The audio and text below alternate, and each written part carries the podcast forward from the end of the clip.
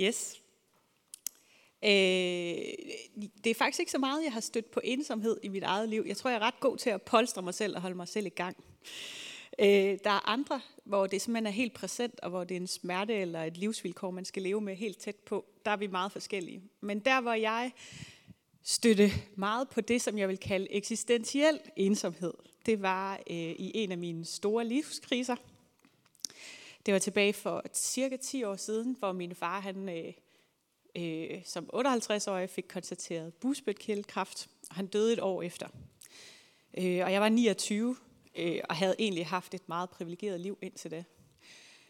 Øh, så det var sådan en kæmpe livsomvæltning, og jeg tror ofte, at i mødet med øh, død eller tab, og det kan være rigtig mange ting. Det kan også være skilsmisse, eller tab af arbejdsevne, eller mening med livet, eller hvad det nu er. Så der må I lægge det ind i det, som, som I kender til. Men for mig var det i hvert fald mødet med døden, øh, som er øh, fuldstændig uovervindelig for os mennesker. Øh, og man står utrolig lille og magtesløs. Øh, at jeg fandt ud af, at jeg er faktisk helt alene. Jeg bliver født alene. Det kan godt være, at jeg kommer ud af min mor, men jeg ligger der alene. Og når jeg engang skal dø, så alle dem, der står rundt om min seng forhåbentlig og græder og synes, det er forfærdeligt, de øh, bliver nødt til at slippe min hånd, og så skal jeg gå selv ind i døden. Øh, og det tror jeg, det blev sådan helt tydeligt for mig, da min far blev syg. Jeg orkede ikke lige at tage telefonen så mange gange, når der var nogen, der ringede. Og så på et tidspunkt var der en veninde, der ringede, og så tog Christian telefonen. Det var en rigtig god til. Og så ligger jeg bare på sofaen og hører, at han sidder og snakker med min veninde. Og så siger han så, ja, det er ikke så godt, og ja, han har kraft i maven. Og så lægger han på, og de, de ja, afslutter samtalen, og så kan jeg bare mærke, hold da kæft mand, hvis ikke engang du ved, at det er i busbødkirtlen. det er ikke bare maven. Øh, og det, blev sådan, det er sådan en lille bitte ting, øh, hvor det bare blev udstillet, øh, at jeg følte mig helt og aldeles alene. For ikke engang min mand vidste eller det vidste han godt, men han huskede ikke på, at den detalje var, var rigtig, rigtig vigtig for mig. Øh, og der var mange detaljer, der var vigtige for mig. Øh, ja. Yeah. Og en anden ting, som jeg også fandt ud af der, og det hænger også sammen med det her med den her ensomhed, eller øh, i hvert fald mit møde med det her med at stå helt alene øh, med det, og det gjorde jeg jo ikke. Altså, det kan jeg jo lige så godt sige. Jeg har syv søskende, altså, og stod overhovedet ikke alene, men det var ikke, det var min far og mit forhold, der forsvandt. Det var ikke min søsters forhold og min fars. Jo, men det var min søsters sorg. Det var ikke min sorg. Øh, men jeg blev simpelthen så vred også. Øh, og så var der på et tidspunkt, hvor jeg snakkede med en ældre dame, som var meget klog, og hun hører på alt min vrede, og så siger hun til mig, But know me, life isn't fair. Og så slog det mig, at faktisk det, som jeg havde troet øh, og levet mit liv på egentlig, fordi at det havde været utrolig fair for mig i 29 år. Og så fandt jeg ud af, at det var det jo faktisk ikke. Og hvis livet skulle være fair, øh, jeg havde egentlig bare et falsk billede af, hvordan livet kunne være. Øh, hvis livet skulle være fair, så, skulle jeg, så skal jeg jo rammes af alskens ulykke resten af mine dage, hvis vi bare skal nivellere en lille bitte smule ud med Wanda, øh, Holocaust, øh, altså alle de her ting. Øh, Ja, yeah. så det jeg vil sige med det, det er egentlig bare, nogle gange, så når man møder det her store tab, så kan man komme i kontakt med øh, eksistentiel ensomhed, kalder jeg den, fordi jeg synes, den er så grundlæggende. Øh, og at det for mig bare gik op for mig, at jeg faktisk havde et, et helt, øh, et meget privilegeret syn på livet, fordi jeg havde haft et meget privilegeret liv. Øh, ja, og det er ikke for at pille øh, sorg ud af det, og at det er hårdt og sådan nogle ting, og det var min livs øh, krise. Øh, men det var bare nogle små, øh, hvad kan man sige, det gik bare op for mig, at jeg faktisk havde nogle, øh, ja, nogle syn på livet. Jeg tror, det var det. Tak, Nomi. Det er virkelig dejligt at få, øh, få nogle tanker, som er sådan, øh, ja, erfaringer, øh, at vi også kan få lov til at dele dem med hinanden. Øh, nu vil Johan sige lidt mere omkring det med ensomhed og ensomhed som et livsvilkår. Øh, så det har du brugt lidt tid på at dykke ned i, øh, og har forberedt noget, du gerne vil sige omkring det. Øh, men kan du allerførst lige sige lidt om dig selv? For jeg ved faktisk ikke ret meget om dig. ja. Øh, jeg har været her i kirken i mange år i virkeligheden. Jeg havde lige en pause på halvandet, for jeg har uddannet præst og noget at arbejde ude i Vierslev i Valby i en kirke der i et par år, og så kommet tilbage her øh, for en halvandet to år siden, og er med på prædikentemaet her. Øh, så er jeg søn af Torsten og Helene, der sidder derovre, så der er også lidt, øh, lidt indspist der. Øh. Så, øh, men jeg er glad for at være her, og det er fedt at være blevet inviteret til også indimellem at dele nogle tanker. Super. Jeg tænker, at jeg lige først vil starte med at bede for dig. Ja. Tak. Himmelske Far, tak fordi, at vi må få lov til også at stå sammen som fællesskab omkring det, som er rigtig svært. Jeg vil bede dig om, at du vil velsigne det, som Johan han skal sige nu. Vil du lægge dine ord i hans mund. Det beder jeg dig om i dit eget navn. Amen.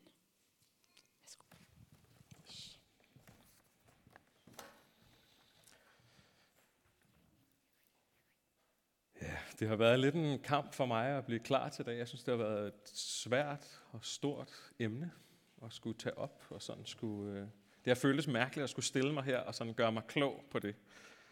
Øh, og samtidig har jeg også kunne mærke, at det var vigtigt for mig at slås med. Så jeg vil bare i virkeligheden starte med at sige, at det her er måske mere en invitation til at komme med ind i sådan mit personlige lille laboratorium, min kamp, mine refleksioner over noget, jeg synes er enormt stort og svært. Mere end at skulle høre et eller andet flot skræddersyet øh, forløb i en sådan færdig prædiken. Øhm. Men ja, så øh, I er velkommen til at tænke med og følge med med mig her omkring det her emne. På rigtig mange forskellige måder, det synes jeg også kom til udtryk øh, i det, vi lige hørte fra Nomi, der forholder det sig jo sådan, at ensomhed, eller i hvert fald det at være alene på forskellige måder, det er bare en del af livet. At det er helt uundgåeligt. Det kommer til udtryk på rigtig mange måder. Som eksistentiel ensomhed, eller på nogle af de måder, som Torsten og Christian også har delt om de andre søndage i den her prædikenrække. Men i dag, der handler det jo så særligt om den her del af det, som handler om tab og afsked og miste.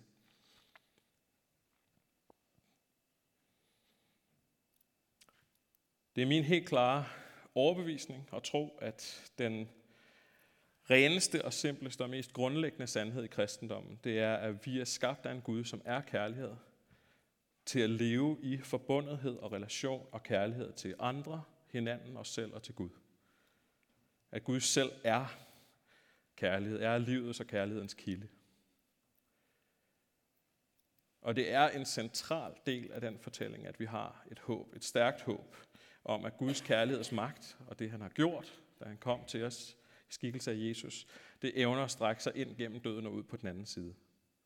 At kærligheden ikke ophører, når vi giver op og giver slip, at den fortsætter der, hvor vi hver især må give slip på hinanden og på os selv. Og også de små nederlag og tab i løbet af livet. Men at vi har det håb, det betyder ikke, at døden ikke har betydning. At den ikke koster. Det betyder ikke, at det vi mister er lige meget, fordi vi får det jo igen.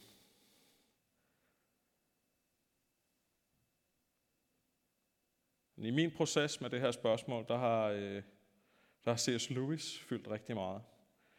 Han er jo forfatter til Narnia-bøgerne, og i øvrigt en rigtig, rigtig skarp tænker og forfatter, og, og kristen i øvrigt, blev kristen i løbet af sit liv. Han mødte sent i sit liv Joy Davidman, og blev meget, de blev meget forelskede hinanden og giftede sig med hinanden i 1956. Og han kom til at elske hende overalt på jorden. Og så mistede han hende til cancer kun fire år efter deres bryllup, hvor hun døde kun 45 år gammel. Og en del af hans måde at håndtere den sorg på at være til i sit liv, og den tomhed, der fulgte med efter det, det var, at han skrev en masse af sine tanker ned i nogle notesbøger, han havde liggende. Og de er så efterfølgende blevet udgivet under titlen A Grief Observed. Øh, jeg tror, den danske titel er En sorgens dagbog. Og en af sine tidlige tanker i den proces, der skriver han følgende. Og hver gang jeg citerer fra det her, så kommer citatet to gange. Først på engelsk, og så bagefter sådan en lidt øh, rudimentær hjemmelavet oversættelse af mig selv.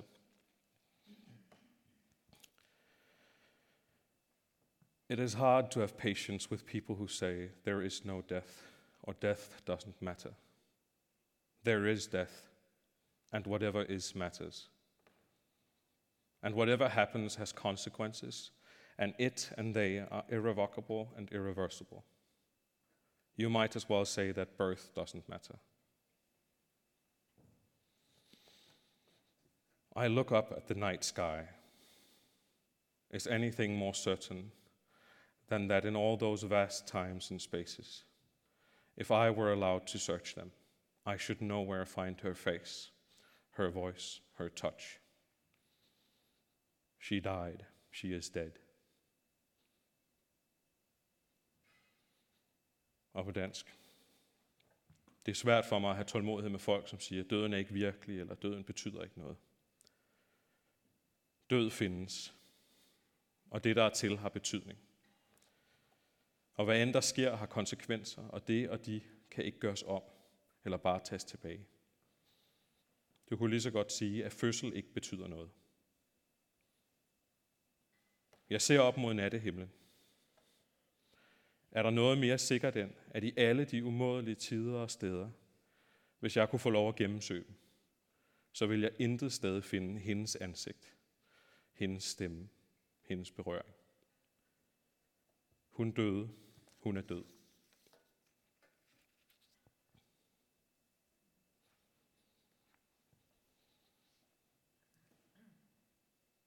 Hver eneste gang vi elsker, så stiller vi os ikke i en situation, hvor vi risikerer at miste. Når vi elsker, så ved vi med sikkerhed, at der kommer til at være et farvel. Og om det er ved døden, når vi skal give slip endeligt, eller om der kommer andre mindre afslutninger på forskellige kapitler af vores rejse, det ved vi måske ikke. Men vi kommer til at skulle sige farvel og give slip. Og selv hvis vi ikke vil give slip, så kommer vi alligevel til at få det revet ud af hænderne. Alle relationer, du har, de har en udløbsdato. Det er simpelthen bare virkeligheden. Og nogen af os har så måske oplevet det på nogle særligt smertefulde måder. For tidligt, forkert, uretfærdigt. Og så kan man ikke rigtig lukke øjnene for det. Men det er virkelig, uanset hvad, for os alle sammen. Vi kommer til at sige farvel i alle vores relationer. Og selv med vores håb her, håbet om et gensyn, så er det stadig smerteligt, fordi farvel og på gensyn, det er stadigvæk farvel.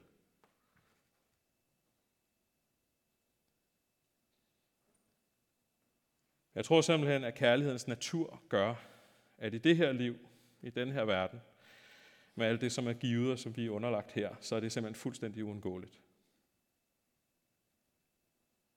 Og måske kan vi ikke engang undgå det ved at være den, der tager afsted. Selv Gud lå sig sove.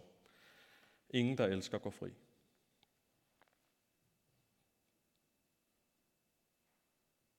Hele Jesu liv, alt det vi ser i evangelierne, det leder op til opstandelsen. Hans egen og vores. Til liv. Men vejen dertil går for Jesus fuldstændig uværligt gennem korset. Gennem døden. Og gennem ensomhed. Erfaringen af forladthed. Jesus sidste ord på korset, de lyder, min Gud, min Gud, hvorfor har du forladt mig? Jesu kærlighed driver ham til at gå gennem døden, til at forlade sin familie, sine venner, og også til at opleve sig forladt. For Jesus er der ikke nogen vej udenom, kun igennem. Og C.S. Lewis i sin proces, så leger han også med nogle af de samme tanker, den her nødvendighed. Nu kommer der et citat mere. I wonder if, as I can't help suspecting, the dead also feel the pains of separation. And if so, then for both lovers and for all pairs of lovers without exception, bereavement is a universal and integral part of our experience of love. It follows marriage as normally as marriage follows courtship, or as autumn follows summer. It is not a truncation of the process, but one of its phases, not the interruption of the dance, but the next figure. Gav vide om, som jeg ikke kan lade være med at tro, at de døde også føler adskillelsens smerte. Og hvis det er tilfældet, så er det at blive efterladt en universel og nødvendig del af vores erfaring af kærlighed. Den følger ægteskabet lige så normalt, som ægteskabet følger bejleri, eller efterår følger sommer. Det er ikke en afslutning af processen, men en af dens faser. Ikke en afbrydelse af dansen, men dens næste form.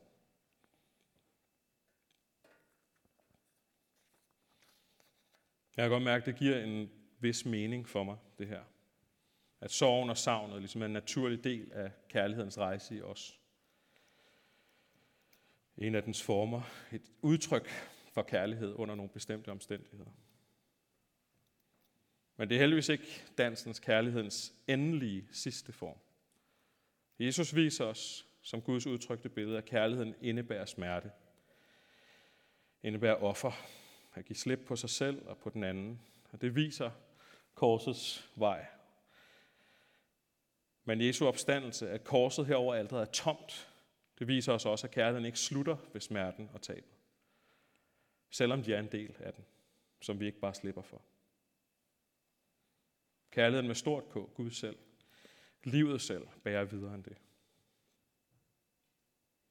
Men opstandelse og liv er ikke simpelt. Og helbredelse betyder ikke bare, at alt er glemt. Det er vigtigt, at vi har håb. Men håb betyder ikke, at så kan vi bare komme videre, komme os, og så er alt godt igen, så er alt glemt. Vi bliver formet af kærligheden. Og det betyder også, at så bliver vi formet af sorg. For altid. Og måske også med Guds hjælp, den store læge, på en god måde for evigt. Den opstandende Jesus er ikke bare kommet videre. Han bærer sårmærkerne.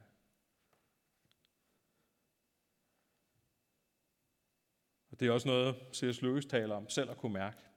At der er noget uigenkaldeligt med nogle af de spor, sorgen sætter i ham selv. Han reflekterer lidt over, når han endelig begynder at lande i sig selv, hvor nogle af hans venner ligesom tænker, åh, oh, han er kommet videre. Nu, nu er vi tilbage igen. Så nu kommer der lige hans tanker om det. Getting over it so soon, but the words are ambiguous. To say the patient is getting over it after an operation for appendicitis is one thing. After he's had his leg off, it is quite another. After that operation, either the wounded stump heals or the man dies. If it heals, the fierce, continuous pain will stop.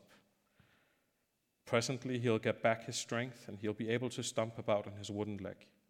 He has got over it. But he will probably have recurrent pains in the stump all his life, and perhaps pretty bad ones.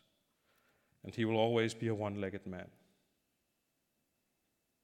There will hardly be any moment when he forgets it. Bathing, dressing, sitting down, and getting up again, even lying in bed, will all be different. His whole way of life will be changed. All sorts of pleasures and activities that he once took for granted will have to be simply written off, and duties too. At present, I am learning to get about on crutches. Perhaps I shall presently be given a wooden leg, but I shall never be a biped again. At komme videre Ordene kan betyde mange ting. At sige, at patienten er ved at komme sig efter en blindtarmsoperation er en ting. Efter han har fået amputeret sit ben er det en helt anden. Efter sådan en operation vil stumpen enten hele, eller manden vil dø. Og hvis den heler, så vil den voldsomme og vedvarende smerte ophøre. Med tiden vil han få sin styrke igen, og vil kunne komme omkring på sit trapping. Han er kommet sig. Kommet videre. Men han vil formentlig have tilbagevendende smerter i stumpen hele sit liv. Måske temmelig slemme smerter. Og han vil altid være en etbenet mand. Der vil dårligt være det eneste øjeblik, han kan glemme det. I badet, når han tager tøj på, skal sidde og rejse sig igen. Selv når han ligger i sengen, så vil alt være anderledes. Hele hans livsform vil være forandret. Alle mulige glæder og aktiviteter, som han engang tog for givet, vil skulle afskrives. Også pligter. I øjeblikket er jeg selv ved at lære at komme omkring på krykker. Måske vil jeg snart blive givet et træben. Men jeg vil aldrig være en tobenet mand igen. Og man kan jo sige, at vi faktisk håber og er blevet lovet, at øh, hvis vi bruger C.S. Lewis' billede her, at vi vil få vores ben igen. End time. At vi vil stå over for det og dem, vi har mistet. Alt det, der gik i tur, og alt det, vi ikke levede op til. Og at vi vil se det forandret og helet og forklaret. Men jeg tror ikke, at vi bare ved sådan et trylleslag vil blive gjort til en anden person, som om det aldrig var sket. Vi er også vores historie, og hvordan vi er blevet formet af den. Den rejse, vi har taget, og de sår, vi har båret. Jesus bærer stadig navlemærkerne. Gud selv har lavet sig sove uigenkaldeligt af kærlighed. Han er for evigt såret for os, og det har han tilladt. Gud selv har vist os prisen for et liv i kærlighed, og viser os, at det er værd at leve og lide for os nu. Og så har han banet vejen ved at leve og elske, sige farvel på gensyn. Lad sig sove, for at kærligheden kan vinde igennem, også når jeg ikke kan. Ting, der er noget værd, de koster. Og det her, kærligheden, din kærlighed til dem, du elsker, og Guds kærlighed til os, det er det, der er allermest værd. Så det er noget, der koster rigtig meget.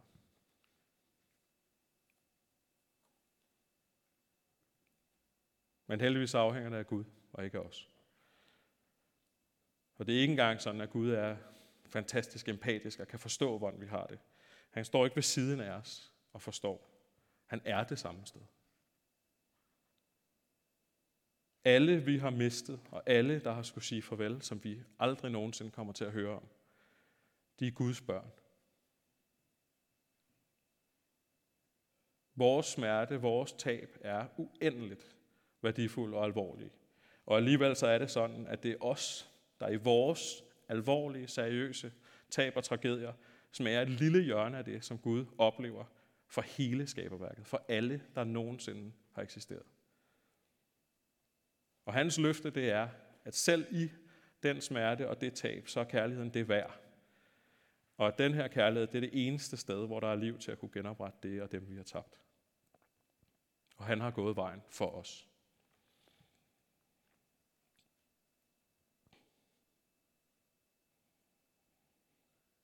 Jeg vil gerne slutte af med at bede.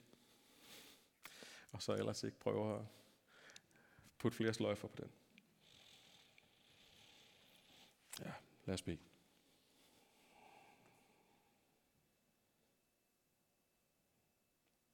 Skaber, far, du der elsker. Tak, at du elsker for enhver pris. Tak, at du viser os, at kærlighedens vej er det værd. Tak, at du har elsket først, og at du vil elske længere, end vi kan. Tak, at det er din kærlighed, der bærer verden, og ikke os. Hjælp os til at finde trøst, når vi mister, og hjælp os til at have mod og sårbarhed og åbenhed til at blive kærligheden selv der.